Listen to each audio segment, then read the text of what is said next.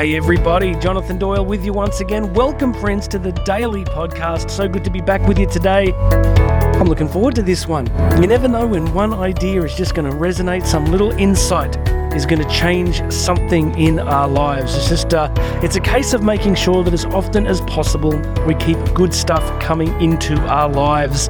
Yesterday morning, I ran a half marathon, and uh, as I was banging along there on the on the road, I was listening to one of my favorites, sort of two hours of, of their content, and just, you know, you just never know. So uh, just little ideas that they have that just sort of resonate.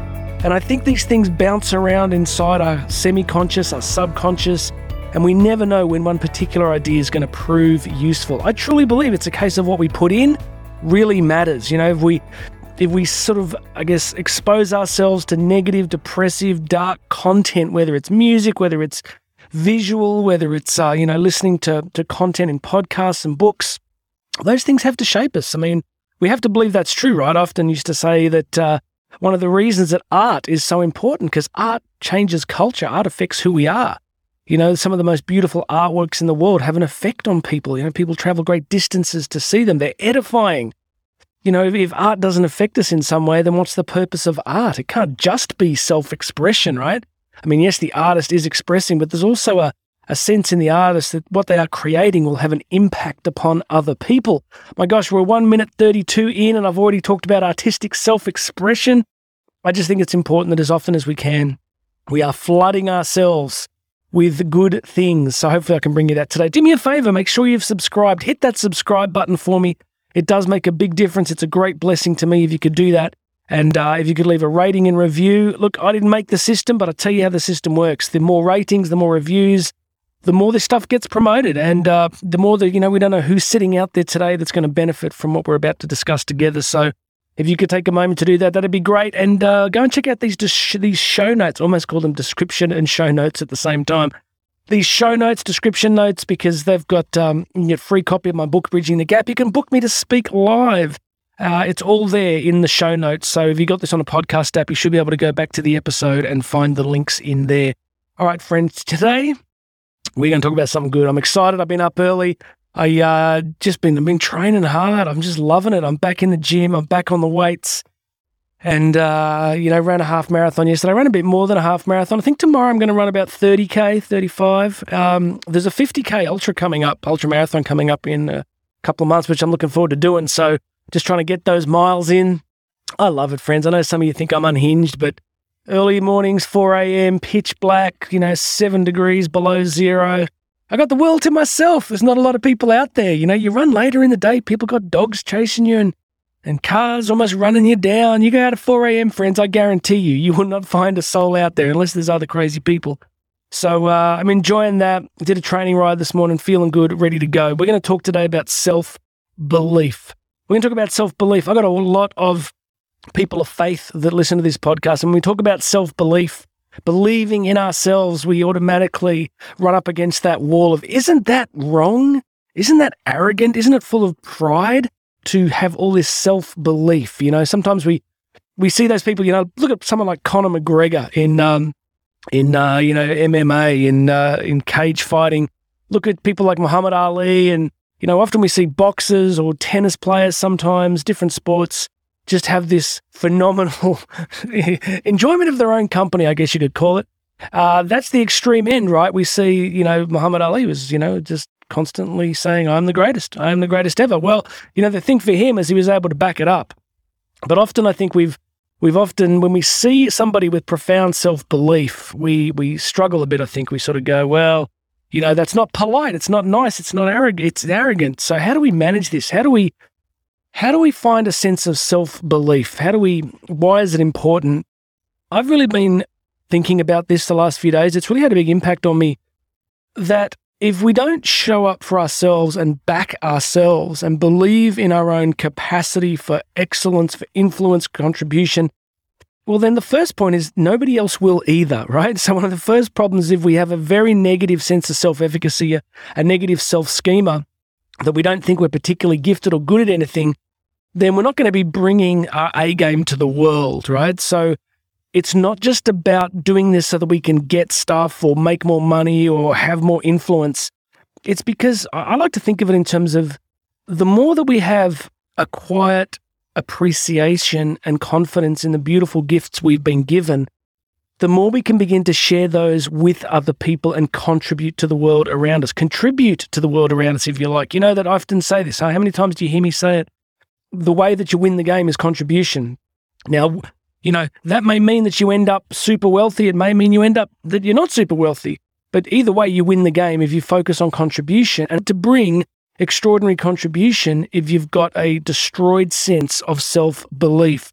Let me give you another insight into this. I think one of the best ways to think about these kinds of issues is to think about them in terms of parenting. Now, I know some of you won't have children, but you can get the concept.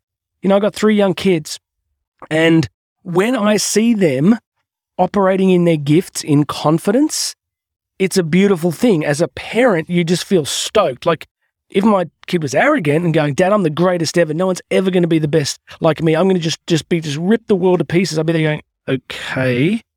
But you know, when my daughter says something like that, Dad, I think I can do this. I think I'm, I'm starting to get this. You know, one of our I, one of our kids is home educated, and uh, you know she's on a really advanced program. She's using a a maths program out of Princeton, and um, you know she's in the ninth grade, and so I, I take her through the maths each day. We do sort of an hour and a half of intensive math, and so see that hear that, my American friends? I said math. All my Australian and other listeners going, Jonathan, it's maths, man, it's mathematics. So either way, friends, when she does it, we're working on some algebra yesterday, and just getting her to a position of seeing her ability to do it. And when she begins to get it, and you see this confidence come into play, it's quite a beautiful thing as a parent. And what's my point? I think that's how God sees us. I think that the lens of parenting is a great way to think about how God, the universe, the cosmos, I know you're all in a different space spiritually. I understand that, but I just want to say that I think that's how God sees us. When He sees us passionate and confident in our gifting, and He sees us trying to bring these gifts into the world. Why do you think the Our Father says, Thy kingdom come? You know, bringing the kingdom of God into the world is basically bringing light, goodness, contribution, blessing, love, growth, healing into the world. It's hard to bring that into the world if we're going around all the time with a sense of that we're being worthless, of a sense of there's nothing special about us. There is something special about you, something remarkable. I will never be you. I will never do what you do. So many times on stage, I've said to people, look, you know, you see me up on stage, this is the gift I've been given. This is what I do. It's a great blessing. It's a great joy. It's beautifully privileged. I love to do it. But at the end of the day, it's no different to someone else. I was talking to a guy yesterday who works as a cleaner at a big shopping center. He's a beautiful man. He's just a gentle, you know, loving man. He serves people. I, I saw him at church yesterday and he's just, I'm never going to be him. I'm never going to have his gifts for the world. I'm never going to have his form of expression. I'm never going to have his gentleness and his capacity just to be, you know, to interact with people in his specific way. So do you get it? That doesn't matter what the gifting is.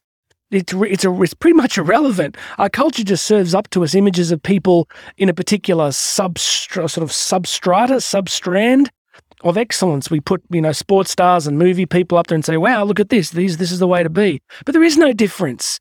So you're getting me? Your gift is your gift. It's what you've been created to bring and to do into the world that nobody else can bring. It's very special.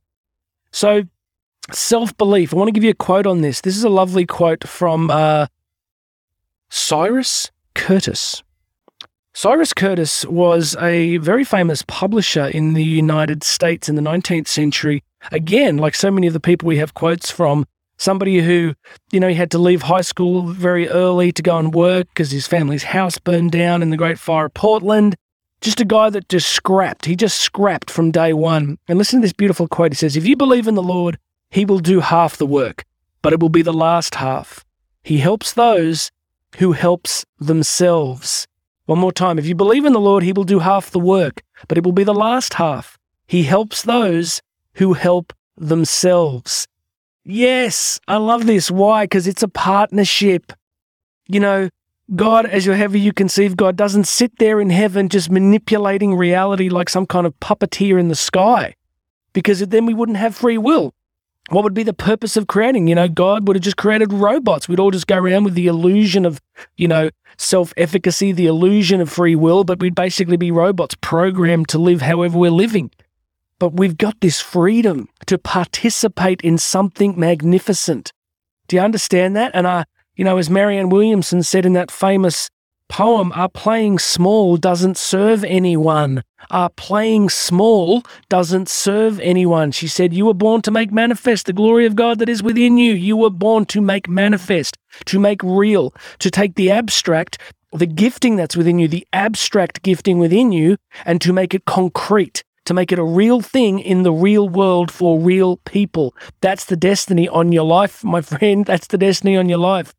So, self belief means trusting that you were given a gift for a reason. You might have several gifts. You might be a great listener. You might be a great artist. You might be a great teacher. You might be a great leader or principal or business owner or entrepreneur or mother or father or grandparent. I've got people listening to this who are in their 80s who are probably incredible grandparents. That's a gift. That's a calling. That's a ministry. That's a partnership in how the abstract gifts of our lives come into the real world to change real things. Whew. All right, friends. So I want you to start thinking to yourself are you shrinking? Are you hiding your light under a bushel, under a basket, whatever a bushel is? Never seen bushel. But a basket, are you hiding from the world?